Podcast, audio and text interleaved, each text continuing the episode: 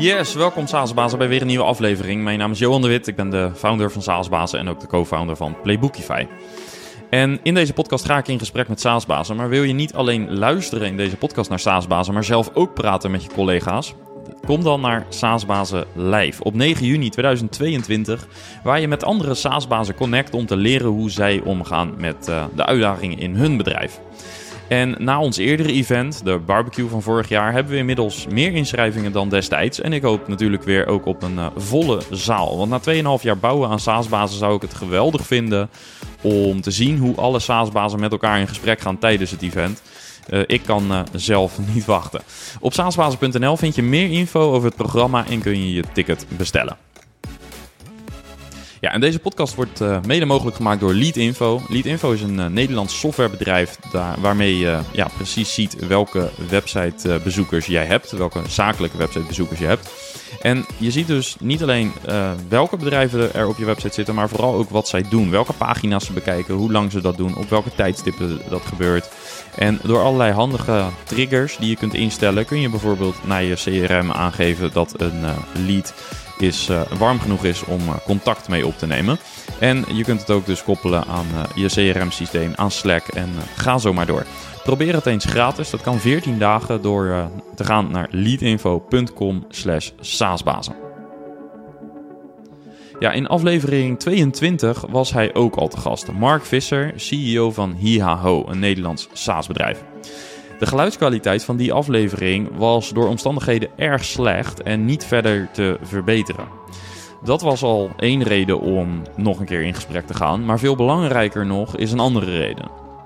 Elk jaar spreek ik zo'n twee keer met Mark af voor een lunch of diner om bij te praten. Mark is voor mij zeker nu ik zelf door Playbookify ook een klein beetje een saasbaasje ben, een, uh, echt een voorbeeld. Elke sessie met Mark is waardevol en levert me inzichten op. Of het nu gaat over productstrategie, over het binnenhalen van een enterprise deal, of het opzetten van een partnernetwerk, of het bouwen van een high-performing team. Na een gesprek met Mark kijk ik altijd, uh, of ga ik altijd naar huis met, met ideeën die je niet zo snel bij anderen vindt. En daarom ging ik opnieuw met hem in gesprek. En in het bijzonder over het thema: hoe groei je nu van vliegend kiep in de beginfase van je start-up naar CEO in de scale-up fase? Nou, laten we gewoon gaan luisteren. Let's go! Ja, welkom Mark. Dankjewel. We gaan het uh, weer over Hihaho hebben, uh, jouw bedrijf. En uh, we gaan met name gaan we het ook over jou hebben vandaag, omdat we het thema voor vandaag is hoe transformeer je van vliegende kiep, die je in het begin bent bij een bedrijf, naar uh, ja, CEO. En uh, voordat we dat gaan doen, uh, is misschien goed als je ons even in vogelvlucht meeneemt in nou ja, de eerste zeven jaar, zeg maar. Dus wat doen jullie precies? Hoe zijn jullie gestart en waar staan jullie vandaag? Ja, nou, zeven jaar geleden hadden we een echt minimum viable product waarin we geloofden, waarvan we dachten dit zou in theorie een ultra schaalbaar SaaS product kunnen worden. En uh, hebben we de beslissing genomen om er gewoon volle bak voor te gaan. En waarschijnlijk herkennen andere SaaS-bazen dat ook wel. Er is een moment waarop je zegt, en nu gaan we ervoor. We gooien alle andere dingen aan de kant. Alles wat we hebben steken we erin en uh, we geloven in de droom die we hebben. Nou, zo was dat voor ons ongeveer zeven jaar geleden. En we hebben de keuze gemaakt om uh, de eerste, uiteindelijk is dat ongeveer vijf jaar geworden, echt alleen maar te bouwen aan de technologie. Dus een in de basis ultra schaalbaar SaaS-product bouwen niet alleen zeggen dat het dat gaat worden, maar echt aan die architectuur werken. En uh, dat betekent dat we nu na ruim twee jaar, bijna drie jaar, uh, eigenlijk pas begonnen zijn met het in de markt zetten van dat product, daadwerkelijk verkopen. En dat heeft er dus ook toe geleid dat we die eerste vijf jaar uh, enorm hebben moeten investeren in tijd en geld. Nou, gelukkig is het gelukt om samen met een, een, paar aandeelhouders nou ja, met elkaar alles wat we hadden erin te steken. Maar ja, dan komt dat spannende moment, als het geld ongeveer op is, gaat het ook lukken om op dat break-even niveau te komen. Ja. Nou, we, hebben, uh, we zijn dus ongeveer drie jaar aan het verkopen. En het is ons nu de afgelopen twee jaar gelukt om uh, mooie zwarte cijfers te schrijven. Dus eigenlijk zit ik hier nu een heel stuk relaxter. Want dat maakt toch wel echt verschil. Hè? Of je weet, het, het gaat wat worden. En dan is natuurlijk altijd nog de vraag hoe groot het succes wordt. Maar we weten gewoon, het, er is echt behoefte aan dit product. Ja, maar je geduld is wel vijf jaar een beetje op de proef gesteld, uh, als ik het zo hoor. Dat klopt, dat klopt. En hoewel we heel erg strategie vast zijn geweest, we geloofden echt met z'n allen in deze droom, is het wel heel spannend. Ja. Dat kan ik niet ontkennen. Ja, kan ik me heel goed voorstellen. Uh, kun je ons even kort uh, vertellen wat het product doet? Ja, het is een platform voor interactieve video. Nou, wat is interactieve video? We kennen allemaal wel YouTube. Daar uh, 70% van uh, alle zoekopdrachten zijn how-to zoekopdrachten. Dus eigenlijk wil je iets leren als mens op YouTube. Maar ja, het resultaat wat je dan krijgt is een video waar je alleen in kan scrollen. En ja, dat is niet handig als je niet weet wat er in die video gebeurt. Als je die niet kent. Terwijl vaak wil je, als je een how-to video bekijkt, heb je maar 10 of 20 seconden nodig van die video. Bijvoorbeeld, hè, ik, ik moet een bouwpakket in elkaar zetten en ik loop vast bij stap 5. Wil ik alleen stap 5 zien en that's it. Dat kan met interactieve video. Wij zeggen altijd uh, met Hiaho, heb jij zelf als kijker de regie in handen. En kan ik dus gewoon antwoord op mijn vraag krijgen door gewoon op die vraag te klikken en direct te zien in beeld en in je eigen taal desnoods ook, hè, ondertiteld, uh, want het werkt in alle talen, alle grote wereldtalen, uh, meteen antwoord op mijn vraag te krijgen. En dat geeft een fijn gevoel. Ja. Het uh, zet je ook op het puntje van de stoel, want dit is natuurlijk een simpel voorbeeld, maar dit kan met allerlei vormen van interacties, teksten, plaatjes, uh, vragen, ondertiteling, gifjes, geluidsfragmenten, verzin het maar. Um, en het maakt het gewoon veel leuker. En of dat dan voor marketingdoeleinden is, um, namelijk hè, een product promoten, als ik zelf erop kan klikken of extra informatie kan vragen of misschien meteen met mijn winkelmandje stoppen zelfs, is dat een hele andere ervaring dan dat ik naar een lineaire video kijk. Ja. Hoe gelikt en gaaf die misschien ook is. Want dat is mooi van interactieve video. De pixel perfectness is veel minder belangrijk. Omdat je als kijker geraakt wordt doordat je zelf die regie hebt. Ja, ja je doet gewoon mee met de video. Ja. Precies. Ja. En, en wie zijn vooral jullie klanten?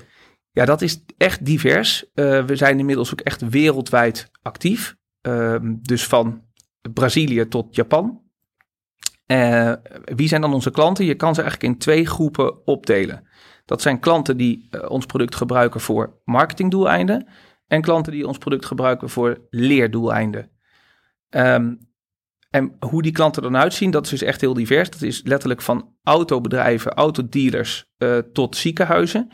En van grote corporates, echt hele grote corporates, tot ZZP'ers. Die het bijvoorbeeld gebruiken uh, als zij lesgeven of voor hun marketingnieuwsbrief een interactieve video daarin. Dus het, het, profiel is altijd business to business. Van ZZP'er tot hele grote corporate. Maar wat voor bedrijven of overheidsinstellingen dat zijn, is gigantisch divers. Ja, um, ja met uh, dat gezegd hebbende zou ik zeggen, laten we naar het uh, thema van vandaag gaan. Want we willen vooral dus gaan hebben over uh, de ontwikkeling die je doormaakt als je begint. Tot uh, nou ja, waar jullie nu staan, uh, zo'n 30 mensen, ongeveer 25, 30 mensen. Um, waarbij je rol er natuurlijk heel anders uitziet dan uh, in, die, in die beginjaren. Um, zou je ons even kunnen meenemen in nou ja, hoe je zeg maar, bent gestart? Dus hoe zag jouw rol er in de begindagen uit? Ja, in het begin was ik echt vliegende kiep. En, uh, en, dat zullen de meeste luisteraars ook wel herkennen. Je bent verantwoordelijk voor alles en alles vind je ook even belangrijk, want het moet allemaal geregeld worden. Dus je werkt 80 uur per week, je slaapt amper en uh, ja, dat is gewoon een, een bizarre dynamiek. Superleuke tijd. Je wordt wel elk jaar minimaal twee of drie jaar ouder. Dat is het nadeel ervan. Ja. Maar dat is echt die bouwfase. En um, omdat wij van het begin af aan een hele duidelijke strategie hebben gehanteerd, we wilden een ultra schaalbaar wereldwijd interactief videoplatform worden, hebben we ook wel echt geprobeerd om daaraan vast te houden. Maar ja, in het begin komt het gewoon heel veel op jezelf aan, want je hebt nog maar een beperkt team. Um, iedereen moet elkaar ook echt leren kennen, dus je kent ook nog niet heel goed de, de echte sterktes en zwaktes van je collega's. En dat verandert gaandeweg. Niet alleen wordt je team groter, maar in ons gevoel, um, bij ons, ik geloof heel erg in je collega's echt verantwoordelijkheid geven.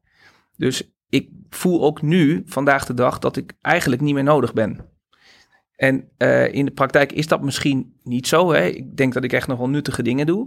Maar die rol is zodanig veranderd dat in het begin dacht je dingen glippen uit mijn handen als ik het niet zelf doe. Naar mijn team is zo krachtig en goed Iedereen bij ons is een 9 plus. Daar hebben we ook heel erg op gezeten. Daar kan ik zo nog wel wat over vertellen. Want ik denk dat de, de kracht van een bedrijf valt of staat met de kwaliteit van je collega's. En hoe je dat team hebt georganiseerd. Ehm, maar dat is wel de essentie. Als je daar eenmaal bent, dan kan je eh, in mijn geval nu als CEO, wat ik trouwens een wat overtrokken woord vind, ehm, maar kan je veel beter zelf kiezen waar je eh, dit jaar eh, en elk jaar weer opnieuw je aandacht aan gaat schenken. Om weer die stap verder te komen. Ja. En dat kan nu gewoon veel meer achterover geleund. Niet in de zin van dat, dat ik niet meer hard werk. Ik werk nog steeds heel hard. In uren is het geen 80 uur per week meer natuurlijk. Maar het is, um, het is comfortabeler. Want je zit meer in die helikopter als, nou, daar komt hij weer, CEO. Ehm, en, maar dat geeft wel de rust en de ruimte om nog meer bezig te zijn met... Is dit bedrijf nog op de goede weg? Voeren we nog steeds de juiste koers? En als je het idee hebt dat dat niet zo is, dan heb je een heel goed team om je heen om uh, die spiegel voor te houden. Niet om te dicteren, maar om eigenlijk iedereen zelf te laten inzien: hey, misschien moet het toch nog een beetje anders. Of misschien moeten we hier nog wat meer nadruk op leggen. Ja. En dat verandert gewoon gaandeweg. Ja, want wat, wat voelde voor jou als je belangrijkste verantwoordelijkheid als, uh, ja, echt als vliegende kiep? Um, of zat daar juist het issue? Dat je je voor alles verantwoordelijk voelt. Ja, eigenlijk geef je zelf het antwoord. Dat kan ook bijna niet anders, want je, je spullenboel moet op orde zijn. De software uh, moet gebouwd blijven worden. Daar wil je voortgang in zien, want je ziet namelijk je geld afnemen hè, in de periode dat je niet aan het verkopen bent. Maar ja, je moet ook je administratie op orde hebben. Uh, hè, want de jaarrekening moet jaarlijks gemaakt worden. Je uh, wil alles voorkomen om goede mensen te verliezen. Je wil juist zorgen dat je goed personeel aanneemt, want je zit in die groeifase. Dus HR is ook heel belangrijk. Alles is belangrijk.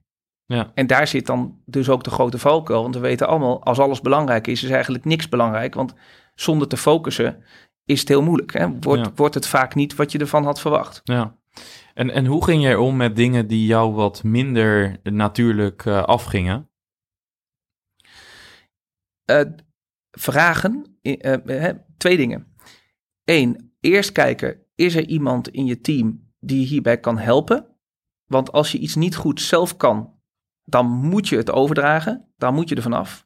En dat kan in je eigen team of in je netwerk.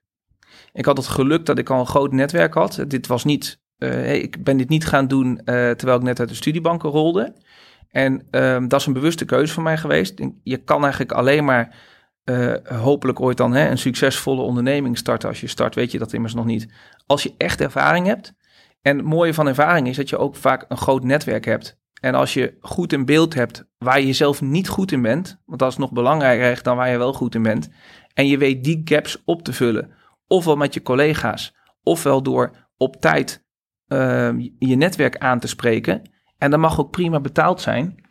Ik heb er altijd in geloofd. Uh, als ik het zelf niet kan, dan moet ik het uitbesteden. Ongeacht of dat wat kost of niet. En dat is vaak in het begin, als je een starter bent, wil je alles hè, voor een dubbeltje eerste rij, op de eerste rij zitten. Maar als dat iets cruciaals is, dan moet je ook bereid zijn om daar geld voor uit te geven. Ja. En um, dat betekent ook dat je een vrij hoge mate moet hebben van uh, zelfbewustzijn. Dat je heel goed moet weten waar je sterktes en zwaktes liggen. Niet alleen van je team, maar ook voor jezelf. Hoe, um, ja, hoe reflecteer je zeg maar, op je eigen performance op het moment dat je in die 80 uur per week modus zit? Ja, door toch, als je, uh, voordat je gaat slapen bijvoorbeeld, of ik, ik hou dan zelf van een boswandeling maken, dat heb ik eigenlijk altijd wel gedaan, of een, blokje om uh, thuis. Om op die momenten dat je niet echt iets aan het doen bent, dus dat je niet op je telefoon zit of achter je laptop of in gesprek bent met iemand, dat je op die momenten reflecteert van, goh, wat gaat er nou eigenlijk niet goed? En waarom gaat dat niet goed?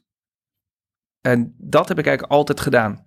Ik ben ehm, Hoewel je dan soms in de dagelijkse waan van de dag zit. Hè, ik noem dat altijd in de kip zonder kop modus. Um, is er elke dag, echt alle dagen van het jaar, heb ik wel altijd een reflectiemoment gepakt. Door even die wandeling te maken of even op de fiets of even gewoon even naar buiten. Sowieso is dat ook heel belangrijk als je alleen maar binnen zit. Ik ben helemaal geen binnenmens.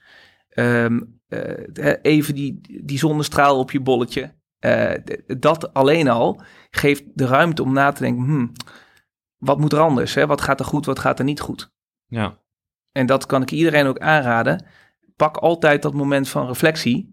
Of even die lunch met een, met een collega. Of eh, wat je ook maar doet, maar neem even die rust. Want als je de rust niet neemt, dan ga je het verschil niet maken. Nee. Sowieso doe je dat met 80 uur per week niet, hè? want je wordt moe. En de vraag is eigenlijk of dat überhaupt wel meer oplevert dan 40, 45, misschien 50 uur. Ja, hoe, denk- hoe zie je dat nu, eh, terugkijkend op die periode? Al zou je het nu opnieuw moeten doen, eh, hoe zou je eh, ritme er dan uitzien? Ja, ik denk dat het niet heel veel zou verschillen, omdat namelijk in die beginfase kan je ook veel op de automatische piloot. Er zit ook heel veel makkelijk werk bij. En daar hoef je niet heel fit voor te zijn. Met het werk wat ik nu doe, is, zou dat heel erg inefficiënt zijn. Dus ik geloof erin, hè, het werk wat ik nu doe is vooral strategisch werk. Ehm, ja, daar ligt de grens echt wel bij een uurtje of 50 in de week. Weet je, als je meer dan dat, dan heb je vaak weinig tijd voor privé, gaat het knellen sociaal, je slaapt vaak minder dat heeft invloed op de prestatie in de helikopter. En dat heeft maar minder invloed op de eh, prestatie voor nou ja, de dagelijkse gang van zaken. Want daar zit gewoon heel veel werk wat, ja, wat gewoon doen is. Ja. ja, ik herken dat ook wel. Want nu binnen Playbookify ben ik eh, onder andere... We zijn deze week HubSpot aan het inrichten. En eh, daar gaan we straks inderdaad een specialist bij betrekken. Maar ik heb even doorgenomen van wat met specialist... wat moet er allemaal gebeuren in HubSpot. Ehm, en ik heb daar zelf wel wat verstand van. Eh, dus ik ben deze week ben ik gewoon drie dagen bezig geweest... met allerlei processen, automatisering... en, en allerlei ja, gewoon CRM-achtige taken... Ja, dat kan, eh, wij spreken bijna met een muziekje op de achtergrond, eh, eh, redelijk op de automatische piloot. Terwijl je voor beslissingen, zeg maar op het kaliber waar jij nu beslissing mee moet, op moet maken, is dat, ja, ver- vereist dat wat meer cognitieve inspanning natuurlijk. Dat Ja, klopt, dat ja. is ook zo. Ja. En ook de dingen die je naar jezelf toetrekt. Nu is het meer een keuze. In het begin is het een moetje. Ik kies ook juist de dingen eh, waar meer rust voor nodig is. Ja. Want eh, kijk, als je kijkt naar ons team, hè, we hebben ongeveer 25 mensen. Die hebben allemaal natuurlijk een best wel dedicated taak. En die hebben het hartstikke druk. En eh, ik probeer juist ook een beetje ze ehm, eh, uit de vuurlinie te houden voor dingen die er dan niet bij passen op dat moment. Of die nieuw zijn. Of waar dus wel die rust voor nodig is. Ehm, en dat zijn ook de dingen waar ik dan nu dus bewust voor kies. Ja. Ja. Ehm, ik wil het zo nog even hebben met je over nou, hoe, hoe we vertaal je dan die transitie door naar de rest van de organisatie. Ehm, eerst ben ik wel benieuwd hoe jij ziet, eh, of, of ja, hoe jij dat ziet. Eh, Op een gegeven moment komt er een moment dat je moet gaan transformeren of die transitie moet gaan inzetten, dat je op een andere manier moet gaan opstellen. Eh, Hoe herken je dat moment en, en waar ligt dat moment wat jou betreft? Ja, dat moment ligt eigenlijk als er echt structuur nodig is. En je kan dat niet echt duiden in aantal mensen, denk ik. Hoewel, als je eenmaal een man of twintig bent of zo, ja, dan, dan kom je er niet meer met een volledige platte structuur. In de praktijk kan het wel voelen alsof er geen of weinig management is, maar je zal iets moeten met structuur dan. En maar daar heb je natuurlijk wel heel veel keuze in, hoe je dat doet. Ehm, wat wij hebben gedaan, we hebben ongeveer twee jaar geleden een formeel MT ingesteld. Eh, dat klinkt formeel, maar dat is niet zo heel erg formeel. We hebben dat vooral gedaan om snel beslissingen te kunnen nemen. Dus wij hebben er dan voor gekozen om eh, twee keer per week met elkaar te bellen. Gewoon de ouderwetse manier om te bellen. We hebben een simpele agenda. Gewoon via Slack kan iedereen eh, in het MT punten daarop zetten waar hij of zij door de week mee zit. En dus twee momenten in de week. In ons geval doen we dat altijd op maandag en op donderdagochtend. Bellen we met elkaar. En het is zelden dat dat meer dan een half uur duurt. Maar daarmee kunnen we wel direct beslissingen nemen. En dat willen we graag. We willen geen complex bedrijf worden. Eh, we willen, eh, en zeker als het om interne zaken gaat, onze collega's snel eh, antwoord kunnen geven. Ook als dat wat moeilijkere eh, vragen zijn. En dat geldt ook naar buiten toe. Ik heb gemerkt hoe sneller je goed inhoudelijk kan reageren, hoe meer respect dat oplevert. En dat vind ik ook de charme van ons bedrijf. We hebben heel sterk gezegd nooit meer dan 30 mensen. Dat hoeft ook niet. Wij kunnen echt de hele wereld bedienen binnen die 30 personen, omdat we met een partnerstructuur werken. Ehm, maar ik geloof er ook in dat wij met die maximaal 30 mensen effectiever zijn dan veel bedrijven met 60 of meer personen, Hm. omdat we zo wendbaar zijn. En daar is dat voorbeeld wat ik net van gaf. Ja, we hebben een formeel MT met vier personen. Daar zitten eigenlijk een beetje al onze disciplines in die nodig zijn. Ehm, maar we, we hebben geen lange vergaderingen waarbij we bij elkaar zitten met, met dikke agenda's en notules. Eh, niemand die dat ooit nog leest. En wij maken on the fly een actielijst, eh een van ons vieren. En uh, dat kunnen we wel terugkijken. Soms is dat handig, hè, van is alles gedaan wat we met elkaar hebben beloofd. Dat doen we af en toe een keertje. Maar we hebben dat zo simpel mogelijk gehouden. Hm. Gewoon om effectief te zijn met elkaar. Ja, en, en wat zou een eerste stap kunnen zijn voor de luisteraar die zich een beetje uh, ja, in die fase begeeft, hè, richting nou, misschien 10, 20 mensen? Uh, wat zou een eerste stap kunnen zijn om die structuur op een soort lichtgewicht manier, zoals jij hem omschrijft, te, om, om daarmee te beginnen? Ja, nou, het is in ieder geval niet uh, om iemand aan te wijzen die goed is in zijn vak. Vaak zie je, hè, iemand wordt manager gemaakt als die, laten we even development pakken. De beste developer wordt vaak gepromoveerd naar manager. Dat is een hele domme zet, want daarmee verlies je eigenlijk je beste kracht waar hij of zij goed in is. Ja, in geval helaas meestal hij. Dat is volgens mij uh, zelfs een boek over, uh, Peter Principle. Precies. Ja, ja. En dat, dat, dat zou ik ook echt iedereen willen adviseren. Um, kijk naar wie er gewoon van nature goed is in people management. Want leidinggeven heeft alleen maar te maken met mensen. Hè, dat, is, dat is niet, dat heeft heel weinig structuur nodig.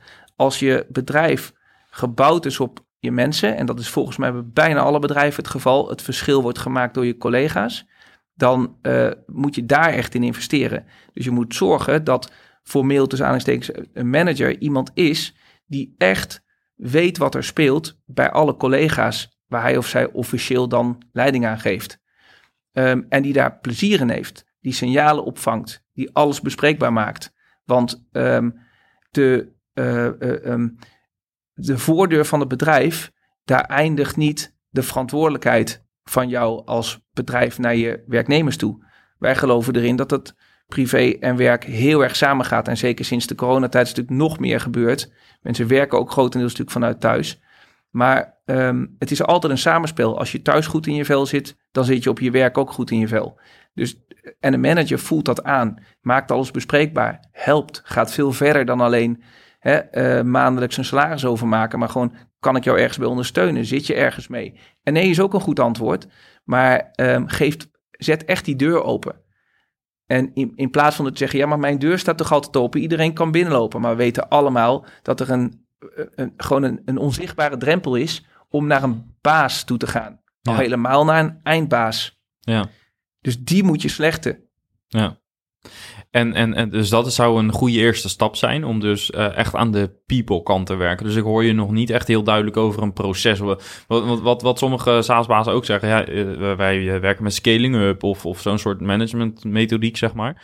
Ja. Um, maar jij zegt echt begin bij de mensen. Dat zeg ik ja. ja. want er zijn heel veel uh, goede structuren te bedenken. En als je bedrijf verder moet professionaliseren. Bijvoorbeeld omdat je een ISO-certificering uh, wil halen, uh, waarvoor dan ook. Dan komt dat st stukje formele structuur, dat komt wel. Ja. Dat, hè, dat, dat kan je invoeren. Maar wat veel moeilijker is, is dat people management gedeelte. En ik denk echt dat daar je succes mee valt of staat. En dat is nu nog belangrijker dan ooit. Want we weten allemaal hoe krap de arbeidsmarkt is. En helemaal voor SaaS-bazen, want die zitten natuurlijk hè, echt op IT. Ja. Dat is nog lastiger. Uh, dus ja, alles voor je goede mensen. Ja. En uh, wat heb je in de afgelopen jaren geleerd in die transitie over hoe je de mensen meekrijgt in uh, die transitie? Want het is evident dat jij die, die, stap moet maken om anders te gaan denken, maar ook zij moeten wellicht anders naar hun rol gaan kijken. Klopt. Um, hoe neem je ze mee in, in zo'n groeifase? Um, nou, twee sleutelwoorden. Transparantie. Echt transparant zijn over wat je doet. En de droom herhalen. Um, en, en, daar dus ook standvastig in zijn. Het, is heel belangrijk dat uh, je collega's weten waar je naartoe gaat als bedrijf. Hè, wat je met elkaar wil bereiken. Um, want als dat niet echt weet, dan kunnen ze nooit optimaal presteren. En wij hebben dat, dat is moeilijk, hè? ik zeg niet dat dat uh, eenvoudig is, maar wij hebben van het begin af aan heel duidelijk gezegd, wij willen het platform worden voor interactieve video ter wereld. Dus met nadruk op internationaal aspect. En daar bouwen we technologie voor, wat uh, rete schaalbaar moet zijn. Dus de basis is alles. Daar hebben we altijd op ingezet. Dus bijna al onze resources de eerste vijf jaar zijn gegaan naar techniek. En dat is nu natuurlijk wat aan het verleggen. Maar die techniek is nog wel net zo belangrijk. Dat is waar uh, ons succes mee valt of staat. En dat weet iedereen bij ons bedrijf hoe dat werkt. Daarmee zeg ik niet dat uh, onze consultants bijvoorbeeld minder belangrijk zijn. Integendeel, die zijn net zo belangrijk als de techneuten. Echter, we zijn wel een SaaS-bedrijf. En dat moeten we ons goed realiseren. Ja. En eentje die dus zo schaalbaar wil zijn dat ook al zou je verdubbelen in eindklanten, dat je nog steeds met 30 mensen Ja. kunt, eh, kunt blijven werken. Zelfs verhonderdvoudigen. Ja. Dat is geen probleem. Dat kan met 30. Ja. Eh, daarover wellicht eh, zo meteen nog meer, maar ik ben ook benieuwd naar wat jij ziet als risico's in die transitie. Ja, nou ja, dat je mensen onderweg toch verliest. Hm. En ehm, daar heb ik niet zozeer over verloop, maar vooral ook over dat je dus die, die droom, eh, dat je gaat ontsporen zeg maar, van je oorspronkelijke strategie. En ehm, eh, ik denk dat dat killing is. Als je komt, hè, als je eigenlijk meewaait met alle wind, om het maar zo te zeggen. En we hebben echt geprobeerd om dat niet te doen. Eh, maar die, dat ligt wel op de loer. Dat ligt op heel veel momenten op de loer. Vooral als je nog echt op zoek bent naar omzet. En er komt een klant langs die zegt: Ja, maar als jij nou voor mij dit bouwt, dan geef ik je 100.000 euro. Dat is ontzettend aantrekkelijk. Maar toch moet je daar nee tegen zeggen als dat niet past binnen jouw strategie. In ons geval binnen een generieke eh, roadmap. We hebben altijd gezegd: prima als klanten willen meebetalen, bijvoorbeeld omdat ze iets sneller willen. Maar dat kan on- alleen maar onder twee voorwaarden. Eén, wat ze willen kunnen we echt generiek toepassen. Dus geen speciaaltje. En twee, het past ook eh, binnen de totale architectuur. Ja. Dat zijn twee hele belangrijke aspecten. En dat is natuurlijk mooi als er mee gefinancierd wordt. Maar als dat niet past, dan moet je er nee tegen durven te zeggen. En dat doet heel erg pijn. Vooral als je, en dat heb je vaak in de eerste jaren van je bedrijf, dat je je überhaupt afvraagt hoe we in hemelsnaam aan het einde van de maand de salarissen gaan betalen. Ja. ja, dan wordt het echt op de proef gesteld. Dan wordt het echt op de proef gesteld. En dat is bij ons meermaals op de proef gesteld. Ja. Gelukkig zijn we die fase nu voorbij. Ja. Maar dat zijn eigenlijk de, eh, dat zijn de momenten waarop je echt gaat zweten als ondernemer. Ja. En, en wat heeft jou door dat soort momenten heen ehm, eh, gehaald? Nou, eigenlijk ook vooral weer de collega's. Ehm, als ik zie hoe die sfeer is bij ons, dat vind ik echt top. Dat iedereen gewoon gaat voor datzelfde doel, dat we het leuk hebben met elkaar. Ehm, eigenlijk is dat het allerbelangrijkste. Want als je dat steeds ziet, en ook al weet je dat het, eh nou we dat voorbeeld even geven, moeilijk wordt om aan het einde van de maand de salarissen te betalen, dan ga je zelf ook nog harder lopen. Want je wil niemand teleurstellen. Je wil ervoor zorgen dat iedereen zijn gezin te eten kan geven. Het laatste wat je wil is dat, dat je eh, die verantwoordelijkheid als ondernemer niet meer eh, kan waarmaken. Ja. En eh, daar, daarom zeg ik ook steeds, hè, die, collega's, die sfeer is eigenlijk het allerbelangrijkste.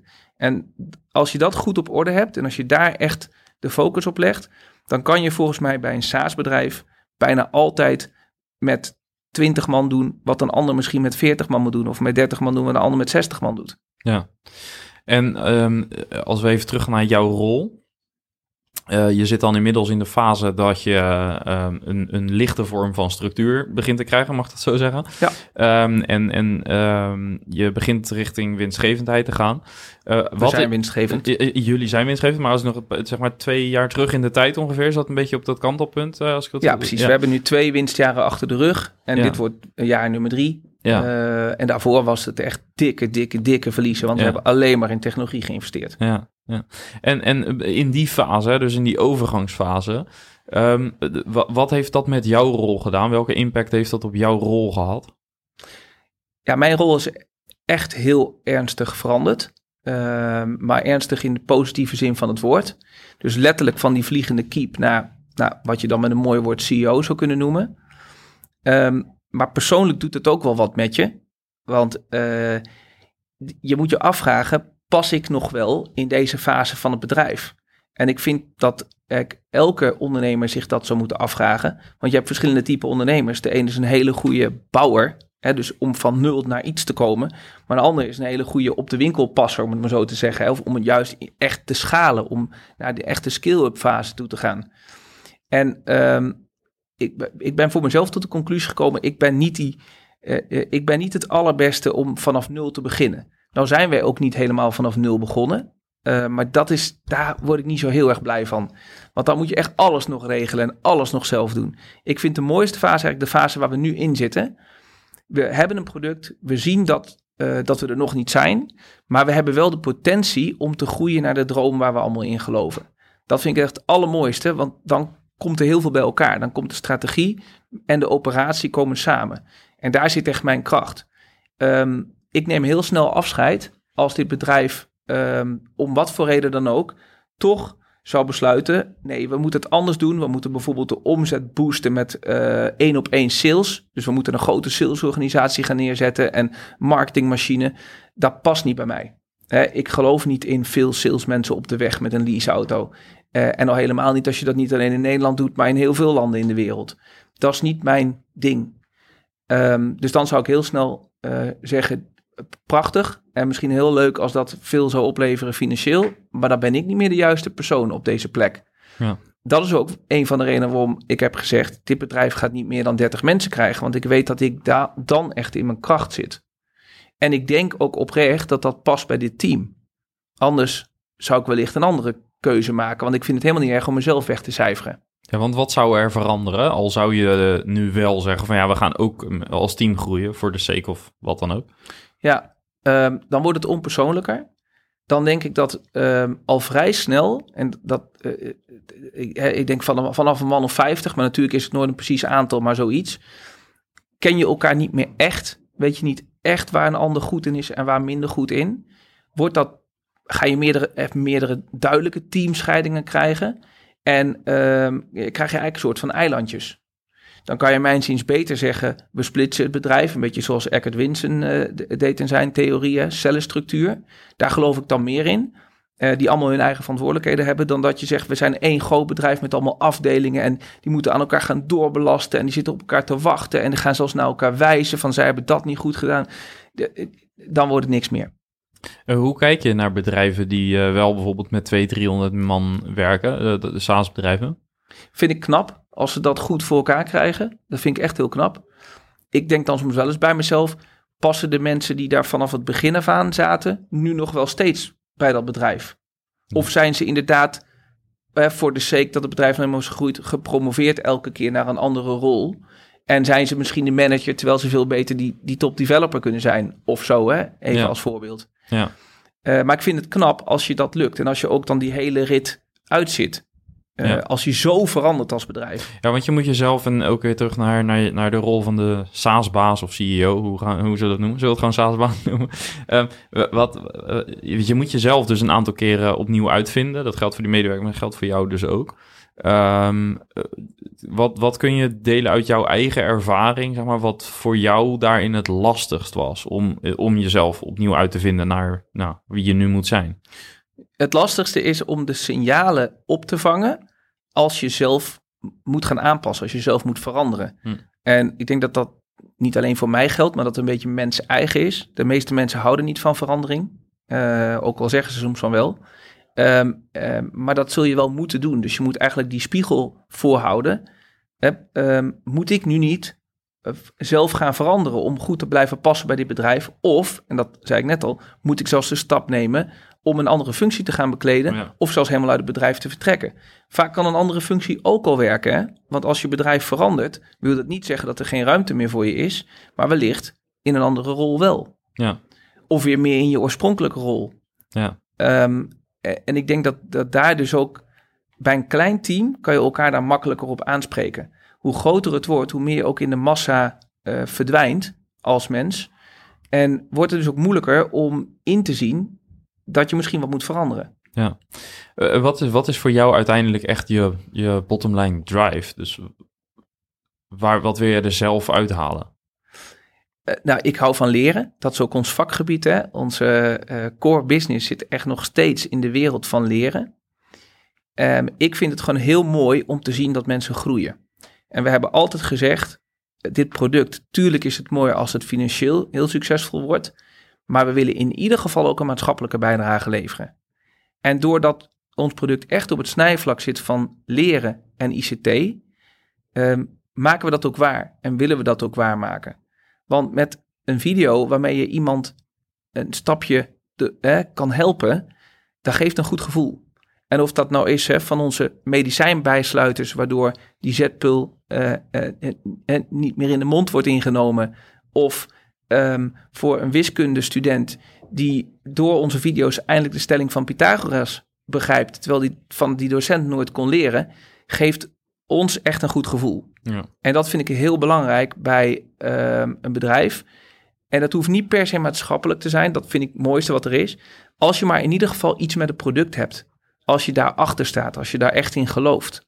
En dat dat ook iets is wat je wil verkopen. Ja. En ehm, we hebben het over die, die 30 man ongeveer. Het gaat niet om het exacte aantal, zei je zelf al, maar ongeveer. Ehm, maakt het jou soms ehm, niet nieuwsgierig naar eh, hoe zo'n volgende fase eruit zou zien? En met volgende fase bedoel ik dan toch het verdubbelen naar 60 man en daarna naar 120 en ga zo maar door. Ehm, want ook daar zou een soort van het, het opnieuw uitvinden van jezelf en van je team bij kunnen horen. Wat, wat voor iemand die graag leert misschien juist wel een interessante exercitie is. Nou, dat heb ik totaal niet, omdat wij wel eh, die enorme groeiambitie hebben, alleen niet in mensen.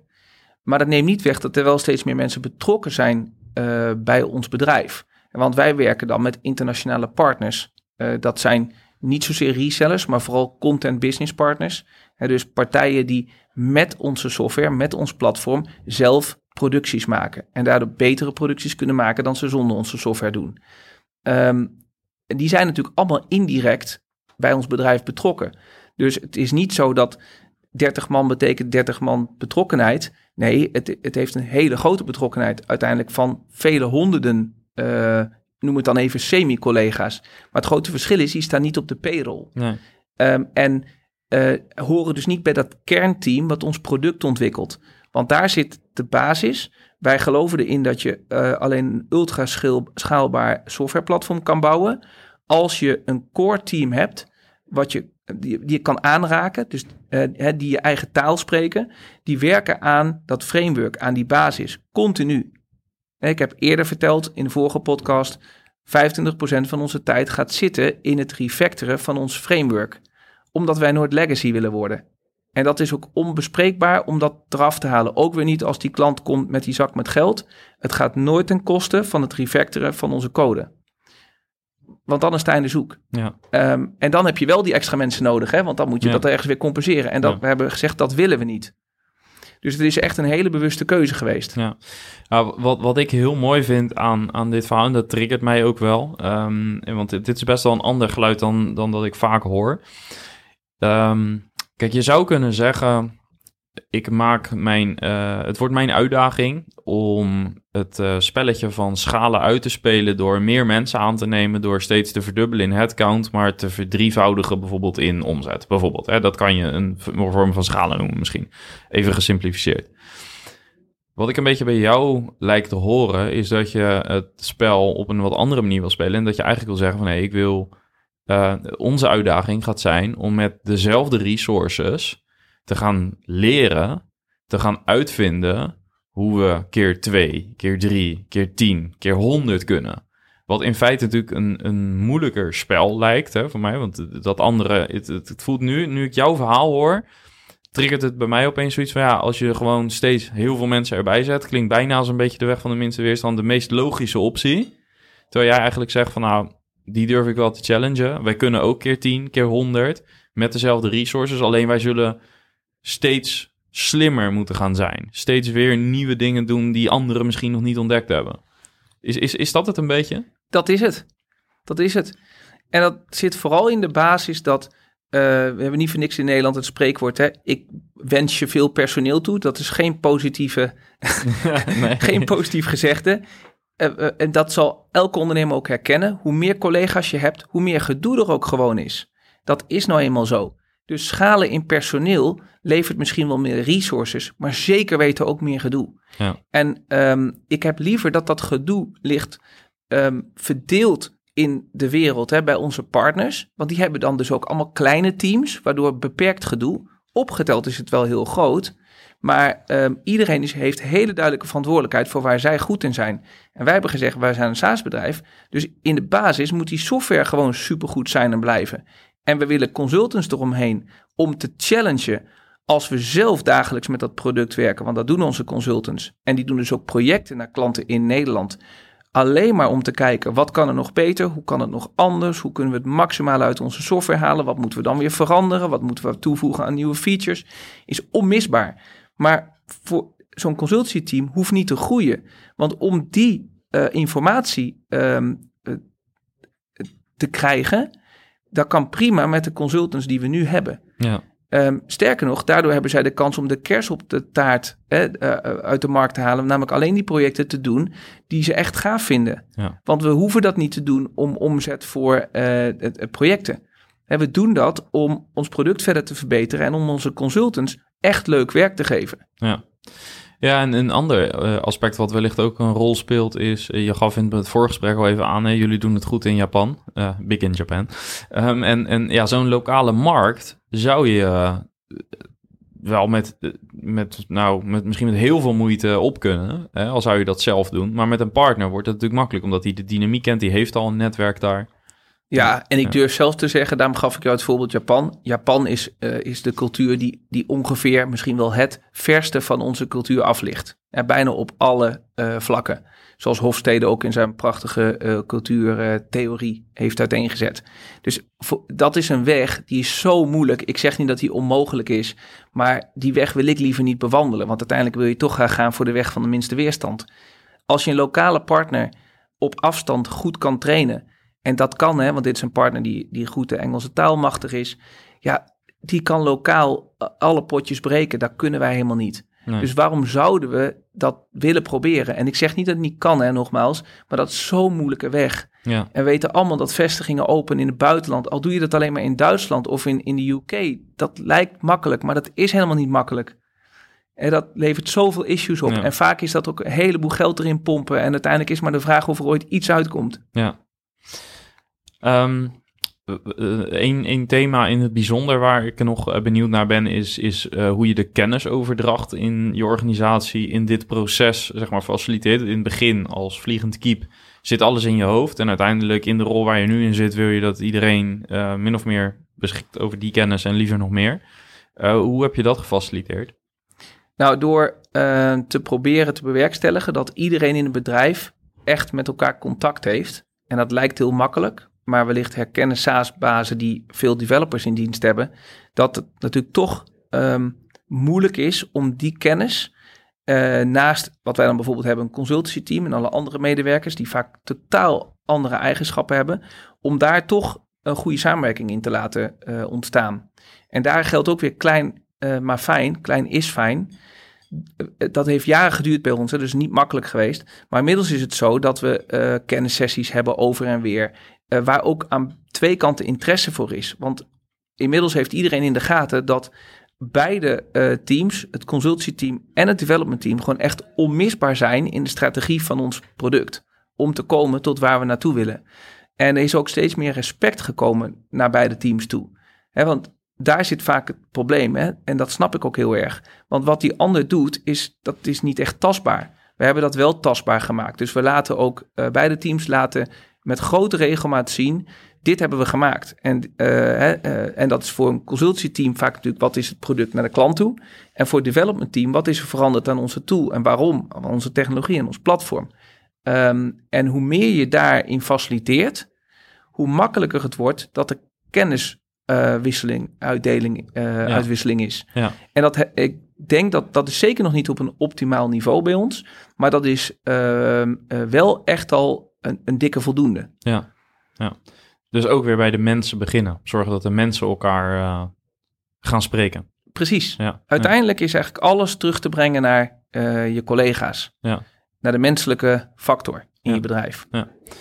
Um, eigenlijk een beetje het laatste thema dat ik uh, zou willen bespreken voor nu is... Um, wat, wat zijn de echte competenties die een SaaS-baas in die fase nodig heeft waar jullie nu in zitten? Dus dat je een MT hebt en meer vooruit kan kijken. Je bent winstgevend en ga zo maar door. Wat, wat zijn de belangrijkste competenties?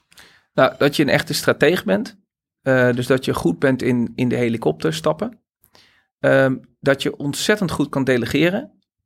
dat wil zeggen dat je echt erin gelooft dat alle collega's uh, die je in dienst hebt, of die in ieder geval aan je verbonden zijn op de een of andere manier, dat die, uh, uh, dat die veel dingen beter kunnen dan jij zelf kan.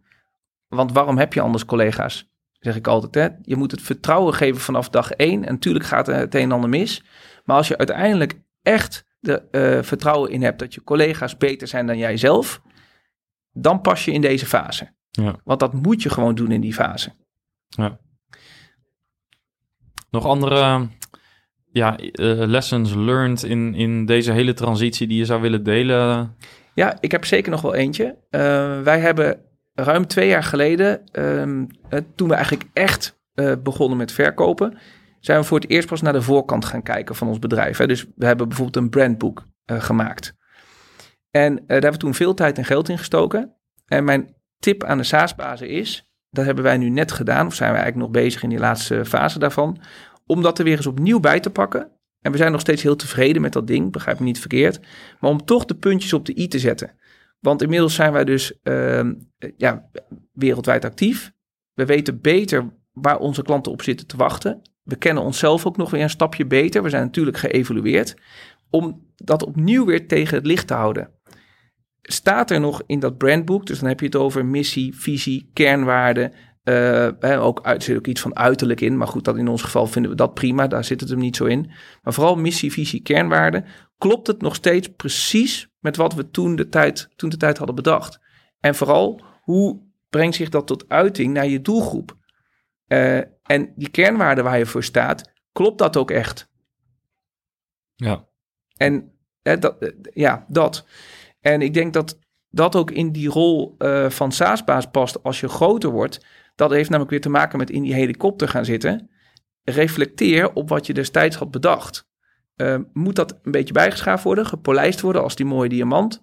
Of kunnen we het gewoon één op één voortzetten? Of misschien moeten we het wel weggooien, want dat kan ook. Hè, dat je zegt, nou, met de kennis van nu, dat past gewoon helemaal niet meer. Ja. Dus we moeten dit anders gaan doen of dat anders gaan doen. Ja, en eh, misschien toch de laatste vraag eh, over, over het vooruitkijken. Want daar, eh, daar zei je in het voorgesprek iets over. Hoe ver vind je dat je vooruit zou moeten kijken in nou, de fase waar je nu in zit? Of misschien wel in het algemeen trouwens, als SaaS-baas.